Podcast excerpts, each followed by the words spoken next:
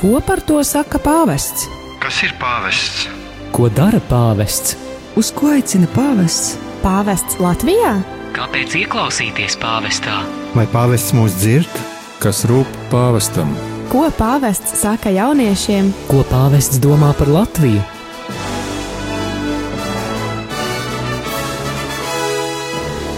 Gaidot pāvesta vizīti Latvijā, atbildes uz šiem un daudziem citiem jautājumiem meklēsim raidījumā Pētera pēdās. Katru piekdienu, pulksten 13. ar atkārtojumu sestdienā, pulksten 10.10 10 un otrdienā, pulksten 22.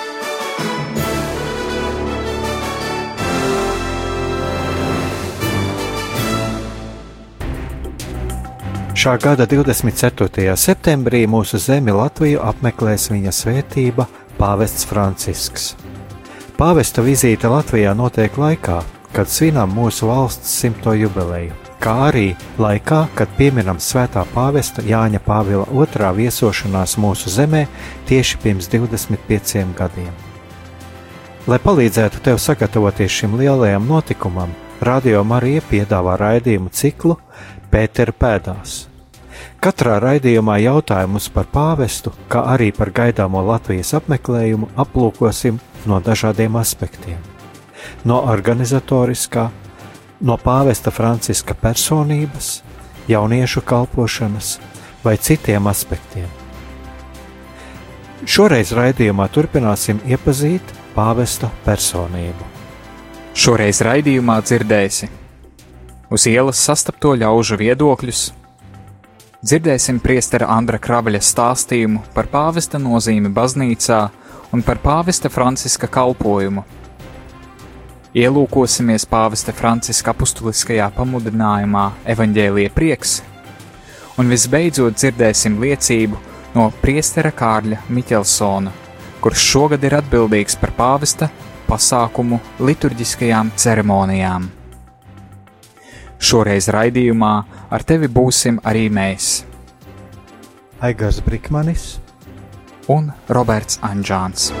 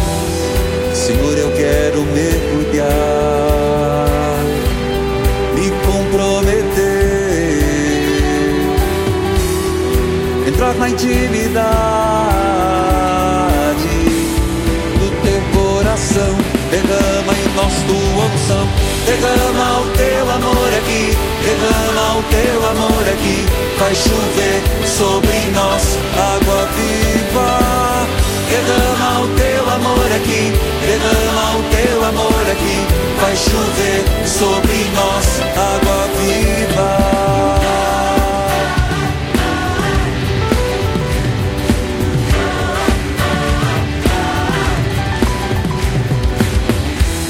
Senhor, eu quero obedecer a tua voz. Derrama o teu espírito sobre todos nós. Senhor, eu quero mergulhar, me comprometer entrar na intimidade do teu coração. Derrama em nós tua unção, derrama o teu amor aqui, derrama o teu amor aqui. Faz chover sobre nós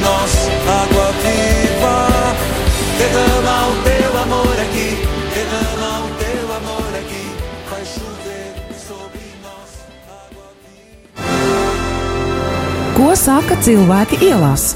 Может быть, можешь что-то сказать э, Папе Римского? Про Папу Римского я только знаю, что есть такой духовный, э, не знаю, человек в духовенстве. Угу. На этом мои знания, честно говоря, ограничиваются. И вот он полномочия, компетенции и прочих вещах. Угу. Извините, не знаю. Ничего, но может быть, э, где-то слышал или читал, что Папа Римский тоже идет э, и э, моет ноги тем, которые э, в тюрьме. Э, Может быть, что-то Нет, такое эту слышал? Нет, я ничего не слышал. Ничего.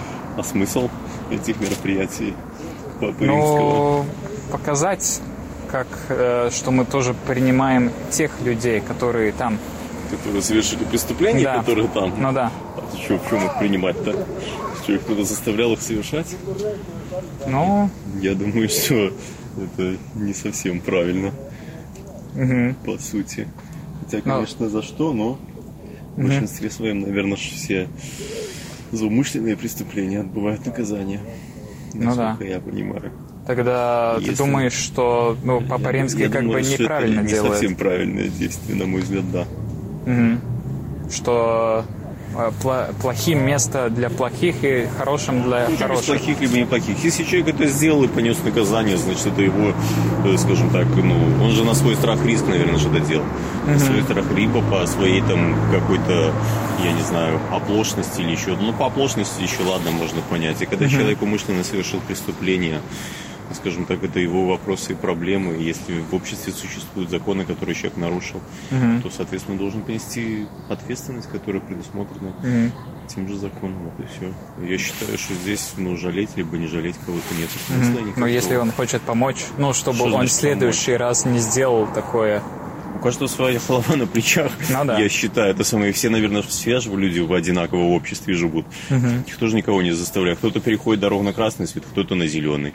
Это самое. Кто-то почему переходит? Ну, потому что не хочет ждать, не хочет что-то соблюдать. Мгм. Вот. Точно так же с определенной скоростью ездят люди на машине. Кто-то едет с установленной, кто-то ее превышает. Никто же никого не заставляет. Никто же Мгм. никого не заставляет. Почему это делает человек? Потому что он спешит, и ему наплевать на то, что придумали. Мгм. Остальные. Вот и все. И этим, с этим он провоцирует, я считаю, других. Другие тоже думают, значит, и мне можно. И все. Мгм. А если бы таких не было ситуаций, и люди не делали такие поступки, то, думаю, было бы более, больше порядка. Mhm. Вот и всё. Tātad ā, varbūt jūs esat ā, dzirdējuši, ka septembrī brauks pāvests Francisks uz Latviju. Varbūt jūs varat padalīties par ā, viņa personību vai kaut ko, ko jūs esat no viņa ā, dzirdējuši. Piemēram, ir cilvēki, kas dalās par to, ka uzrunā, ka viņš mazgā noziedzniekiem kājas. Varbūt esat dzirdējuši. Bet varbūt jums ir kaut kas cits, ko jūs varat pateikt. Droši varat arī krieviski. Нет, мы ничего такого не слышали. Мы в... Я ничего не читала в Делфи. Ничего такого не было, не знаю. Мгм. Э, Вы тоже не слышали, что он будет в сентябре, да? М-м. Нет, такого не слышали. А где Мгм. это передают, типа, в Делфи? Ну, тоже, мне кажется, по ЛНТ или другие, другие, может быть, тоже. Я, я тоже так много ТВ не смотрю, так что так. Но вы так, ну, ничего не можете сказать, не М-м. слышали. Нет, не слышали. Ладно, спасибо. kaut kāds, cik es tā sapratu no ziņām, nu tāds puslīdz eh, jauna vēsma kaut kādās tajās augšās, nu, varbūt viņam izdosies kaut ko viņš palabot vai kā pēc viņa ieskatiem. Mhm. Un, eh, nezinu, varbūt, eh, ne, kur jūs saskatāt tās jaunās vēsmas, bet varbūt Nu, tāpēc, kāds uzrunā nenāk no tādām tradicionālām, tām kristīgām zemēm, bet, nu, nezinu. No Argentīnas. Es jau neko nezinu, nu, neesmu Jā. nekāds baznīcas insiders, neko nezinu, Mhm. tā tikai no ziņām. Jā, un, bet Jā. varbūt ir, nezinu, pal, palicis atmiņā, varbūt ir kaut kāda, kaut kādas darbības, ir cilvēki, kas ir dalījušies, ka viņas ir uzrunājis, ka, piemēram, pāvests Francisks mazgā kājas noziedzniekiem vai kaut, kaut ko jūs tādu esat dzirdējusi par pāvestu Francisku. Nē, tādās detaļās es Ah. neko neinteresējos. Mhm. Mhm. Tikai tik, cik, ko viņš tur ceļo, parasti ziņo, kur viņš tur ceļo, Mhm. ko viņš tur dara. Tādā līmenī. Skaidrs. Jā. Nu, tik, cik laicīgās ziņās par to var dzirdēt. Mhm. Par kristīgām lietām nezināšu tik, Mhm. tik detalizēti. Labi, paldies. Jā. Eksperta viedoklis. Darbie radioklausītāji, saistībā ar to, ka pāvests ierodas šogad pie mums Latvijā, jūs jau būsiet pamanījuši, ka mēs mūsu raidījumā izjautājām cilvēkus, dažādus cilvēkus, priesterus pār pāvestu Francisku, un šoreiz es esmu aicinājis padalīties priesteri Svētās Marijas Magdalēnas draudzes prāvestu, priesteri Ande Kravali. Eh, pastāstiet, lūdzu, kas jums pašam ir pāvests Francisks? Protams, eh, ir īpaša saikne garīdzniekam ar pāvestu, kuru viņš piemin katru reizi svinot svēto misiju.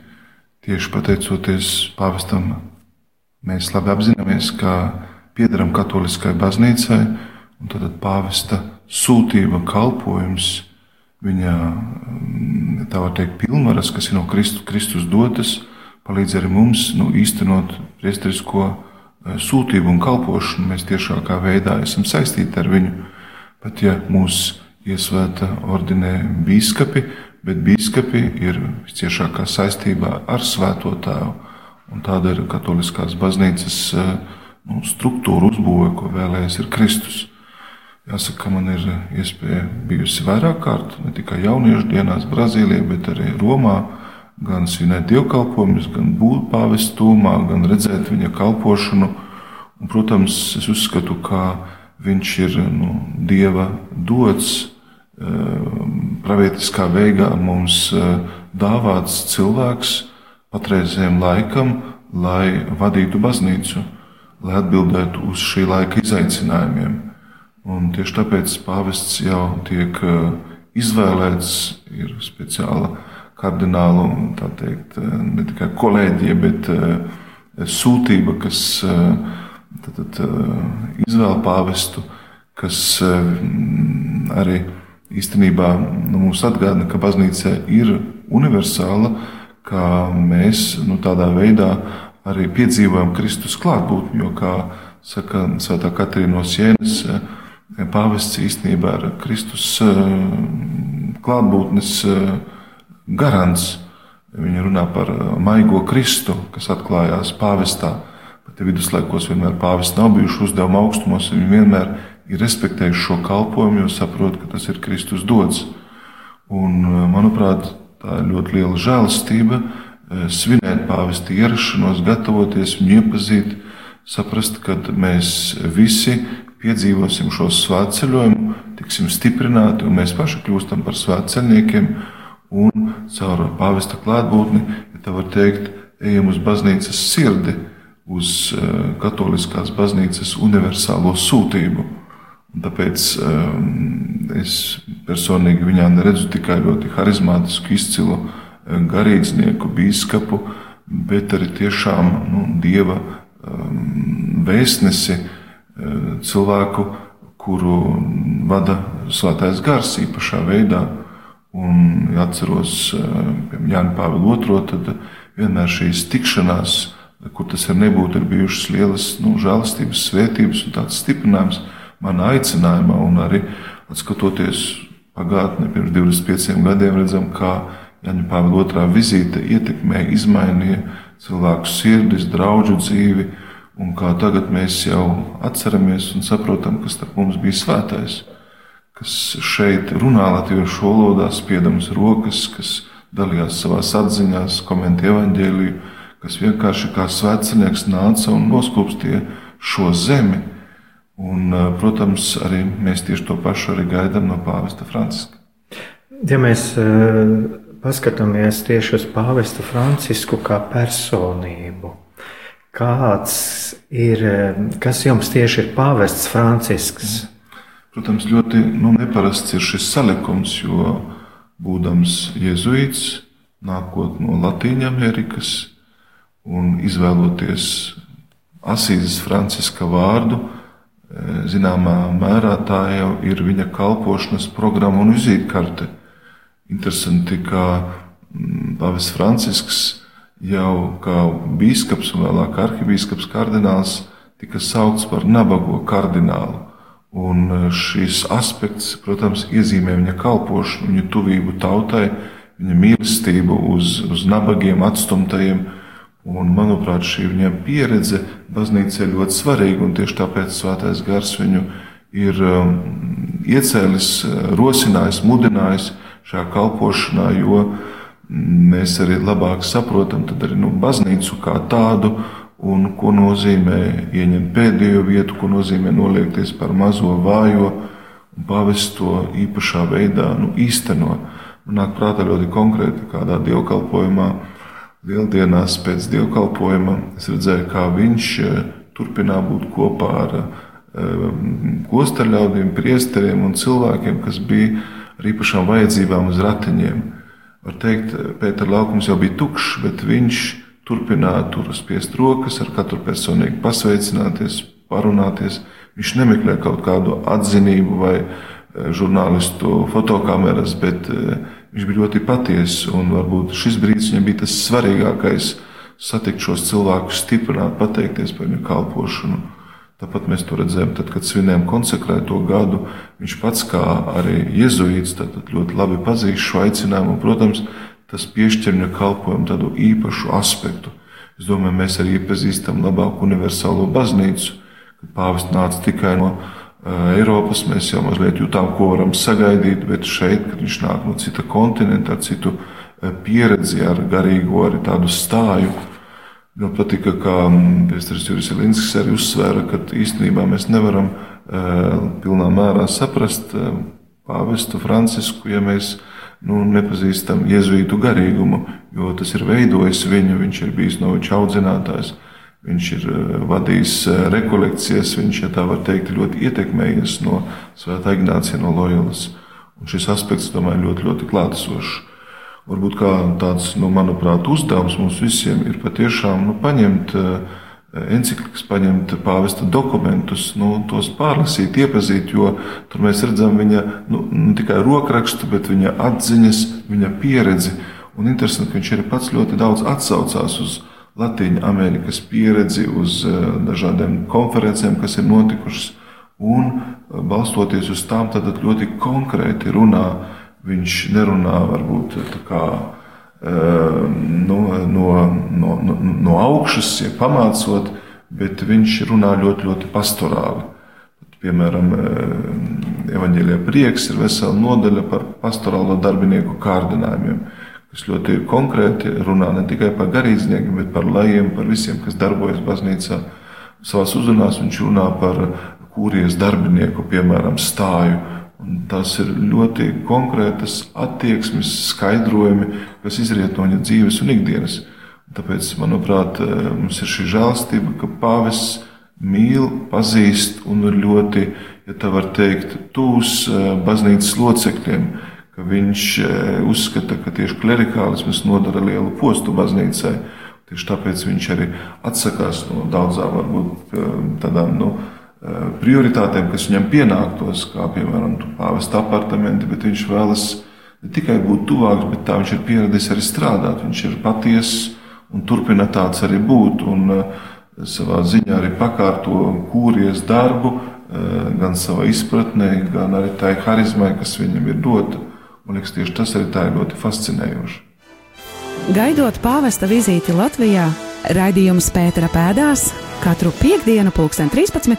ar atkārtojumu sestdienā, pulksten 10.10 10 un otrdienā, pulksten 22.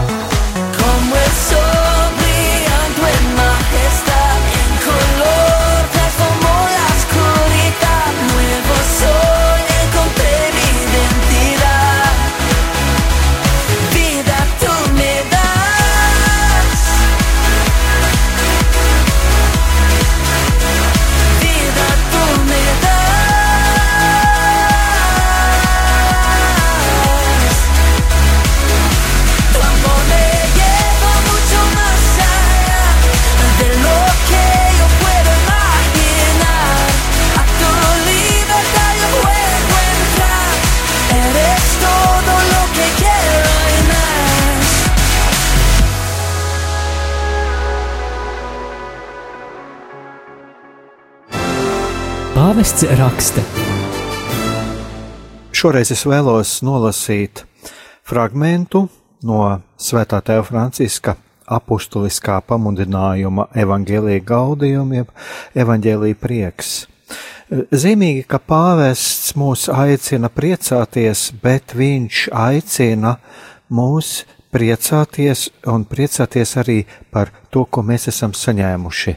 Un, eh, ja es, piemēram, pats tā iedomājos par šo pāvestu, kas man nenāk prātā, tad šis ir priecīgais, smaidīgais un kalpojošais pāvests. Un pāvests atgādina arī to, ka mēs visi, pilnīgi visi esam aicināti nest eh, pasaulē evaņģēlīju vēsti.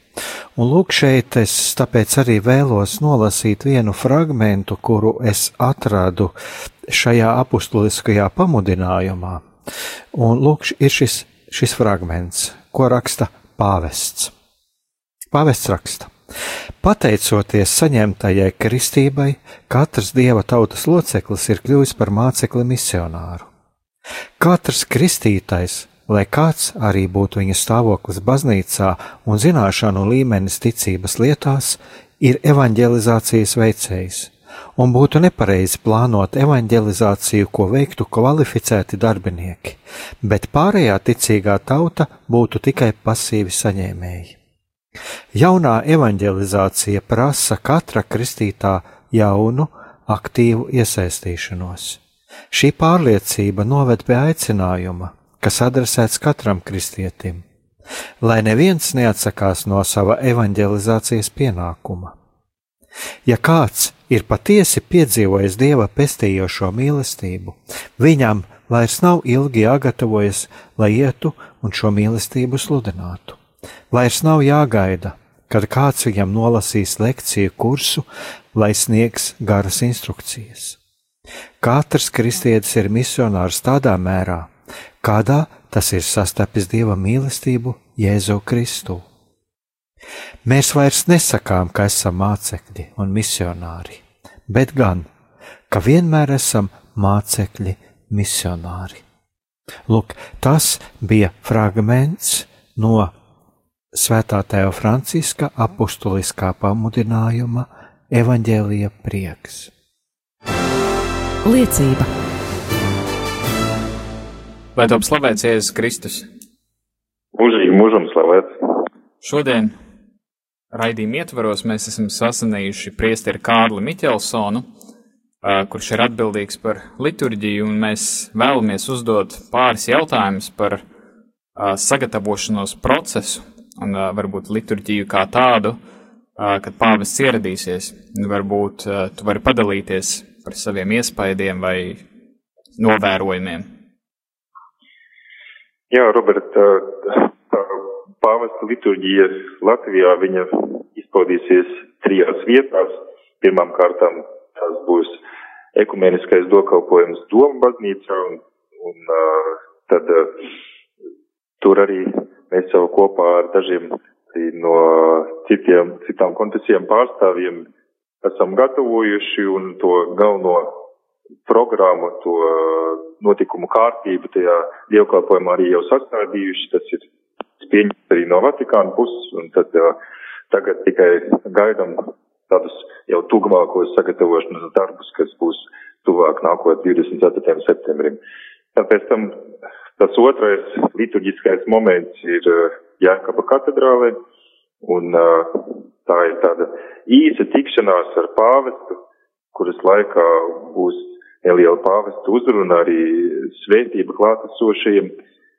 Un tad, uh, protams, svētā misa aglonā, kur uh, no liturģiskā viedokļa ir uh, prasa vislielāko sagatavošanos, vislielāko arī tādu uh, laiku, lai, lai, lai gan muzikāli, lai arī uh, tekstu ziņā to visu labi sagatavot. Mhm. Uh, bet uh, kā tev pašam šis laiks ir? Varbūt uh, tev bieži sanāk ceļot un uh, tikties arī ar pāvesti atbildīgām personām, kas ir nu, atbildīgas ka pāvests brauc uz Latviju, lai viss tiktu sagatavots, nezinu, ar kādiem ekspertiem vai arī no pāvesta puses kaut kādas biežas tikšanās, nezinu, sazvanīšanās, tādas lietas tev arī ir? Jā, nu tās tikšanās ar, ar pārstāvjiem, tās ir bijušas vairākas reizes, kā pirmā no tām uh, bija šeit Latvijā, vēl pašā pašā sākumā, un tad jau tāda viena Uh, nopietnāka tikšanās reize bija Romā, tiekoties ar pāvesta galveno ceremoniju arī monsignoru Guido Marini. Un uh, tajā reizē mēs bijām visas trīs Baltijas valstis kopā, visas trīs pār, tā kā liturģiskie pārstāvi un izrunājām tādas pamatlietas. Un pēc tam sākās jau tāds intensīvāks darbs, kurā mēs sarakstījāmies ar, ar monsignoru pa e-pastu un atbildes ļoti ātri arī atnāk uz tiem jautājumiem, kurus mēs uzdodam. Un tad jūnija vidū bija otrā tikšanās ar pāvesta ceremonijāriju šeit Latvijā. Viņš bija atbraucis, lai, lai redzētu tad uz vietas, labāk tās vietas, kurās, kurās ir pāvests plāno būt. Un, un tad kopš šīs tikšanās reizes arī mēs turpinām sarakstīties elektroniski. Un eh, nu, tas pēdējais brīdis jau būs pirms pāvesta ierašanās eh, jau gan tajā pašā dienā, ātrāk satiekoties pirms liturģiskajām ceremonijām, vēl veicot pēdējos mēģinājumus, bet arī vēl dažas dienas iepriekš, tad uh, kāds no ceremonieriem palīgiem būs šeit uz vietas un palīdzēs vēl pēdējās tādas detaļas noslīpēt. Mhm. Un varbūt vēl viens jautājums. Mm, iepriekšējā vizīte, kad uh, pāvests bija Latvijā, bija 25 gadi atpakaļ. Uh, es nezinu, vai tu pats atceries, es pats personīgi to neatceros, uh, bet varbūt ir lietas, ko tu sagaidi, ka, uh, ko šī, ko šī uh, pāvesta vizīte nesīs gan Latvijai, un arī varbūt arī personīgi tev. Kā zini, toreiz es atceros, gan man bija septiņi gadi, un uh, mēs stāvējām ar uh, manu ģimeni uh, uz Vanča tilta pašā sākumā, un uh, es īsti nesapratu to jāgu, bet es zināju, ka tas ir pāvests un ka tas mums ir svarīgi uh, Latvijai, ka viņš ir atbraucis un gal galā tā bija tāda jauna svaiga Latvija. Mums bija ļoti, uh, ļoti svarīgi, ka mūs atzīst arī no ārzemēm. Un uh, atceros, ka mēs bijām izgājuši nedaudz vairāk uz ceļa vidus, un tad policists ruporā sauca, ka visi redzēs, visiem tiks, lai stāvam rātni uz, uz uh, ietves, un tiešām pabrauc garām pāvis. Tas ir mans atmiņas, un, uh, un no vienas puses sagaidu līdzīgi arī tagad, kad cilvēki, arī tie, kuriem, uh, kuriem varbūt uh, pāvis nozīmē uh, ne, ne, ne viņu ticības tādu galvu, bet gan uh, svarīgu personu, kad ir atbraukusi no Latvijas, ka arī viņi ņems dalību tajos mūsu uh, kopīgajos tikšanās brīžos ar pāvestu, ka viņi piedalīsies gan Rīgā, gan uh, arī piedalīsies Aglonā. Protams, no kārtām jau, ka, ka pašticīgie uh, dosies uz Aglonu pirmām kārtām, bet arī arī tie, kuri būs šeit uz vietas Rīgā, tad tie sagaidīs pāvestu, piemēram, vecrīgā pie Doma baznīcas vai, vai arī citās vietās, kur viņš būs tā publiski Paldies, ka tu atradi iespēju un laiku dalīties ar mums savā pieredzē un pārdzīvojumos. Un varbūt pirms mēs dodamies pie nākamās raidījuma daļas, tev ir kaut kas sakāms mūsu klausītājiem. Es vēl gribētu kārtīgi reizi lūgt radio klausītājus, lai viņi lūdzās par pāvestu, par viņa veselību, lai viņš varētu stiprs un mundrs atbraukt šeit uz mūsu valsti, bet arī lai lūdzās par to, ka tas nestu tādu garīgu uh, svētību visiem un, un, nu, lai arī mēs to notikumu gaidām tā, ka, ka tā ir gan arī mūsu katra personīgā lieta, svarīga lieta, par kuru domājam, par kuru lūdzamies un kurā pēc tam galvenokārt arī paši piedalīsimies. Paldies!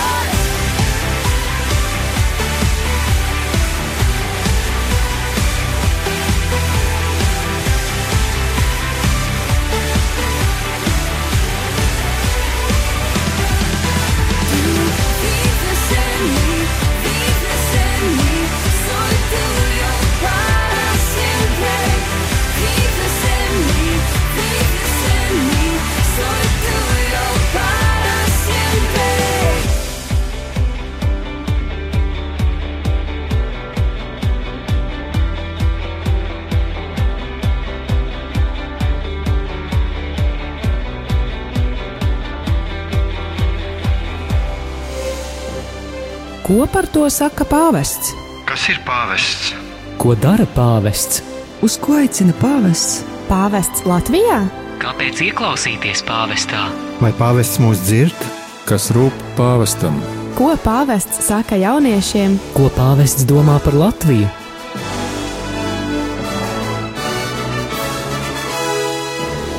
Gaidot pāvesta vizīti Latvijā, atbildes uz šiem un daudziem citiem jautājumiem meklēsim raidījumā Pētera pēdās. Katru piekdienu, pulksten 13. ar atkārtojumu sestdienā, pulksten 10.10 un otrdienā, pulksten 22.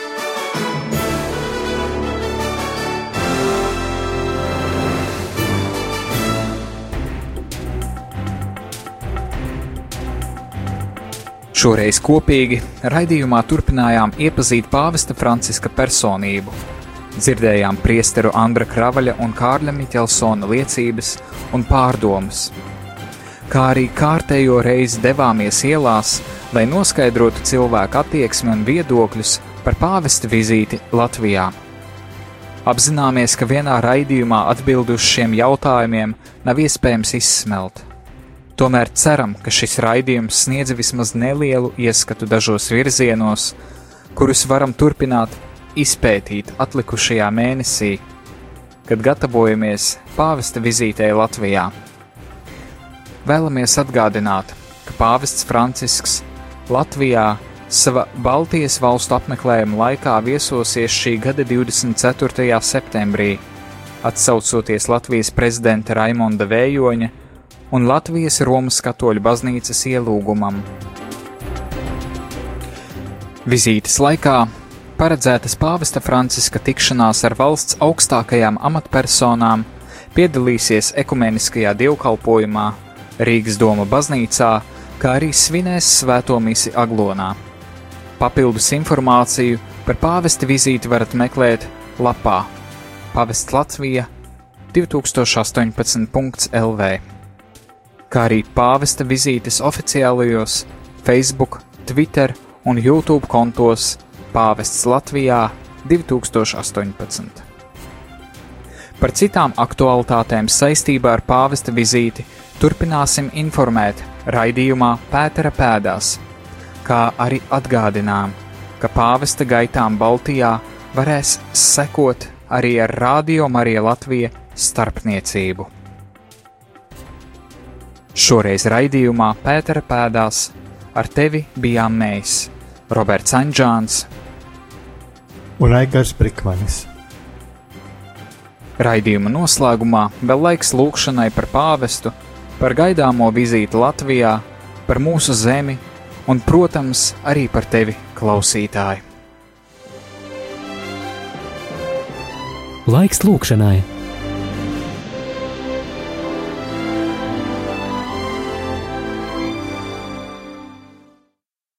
Kungs Dievs, visu ticīgo gans un vadītājs! Uzlūko mūsu pāvestu Francisku, kuru tu esi aicinājis būt par tavas baznīcas galvu, un ļauj viņam ar savu vārdu un piemēru vienmēr stiprināt visu ticīgo vienību un kopā ar sev uzticēto ganāmpulku iemantot mūžīgo dzīvi. Mēs tevi lūdzam mūsu Kunga Jēzus Kristus vārdā, kas ar tevi dzīvo un valda Dievs visos mūžu mūžos. Āmen! Raidījums Pētera pēdās katru piekdienu, pulksten 13. ar atkārtojumu sestdienā, pulksten 10.10 un otrdienā, pulksten 22.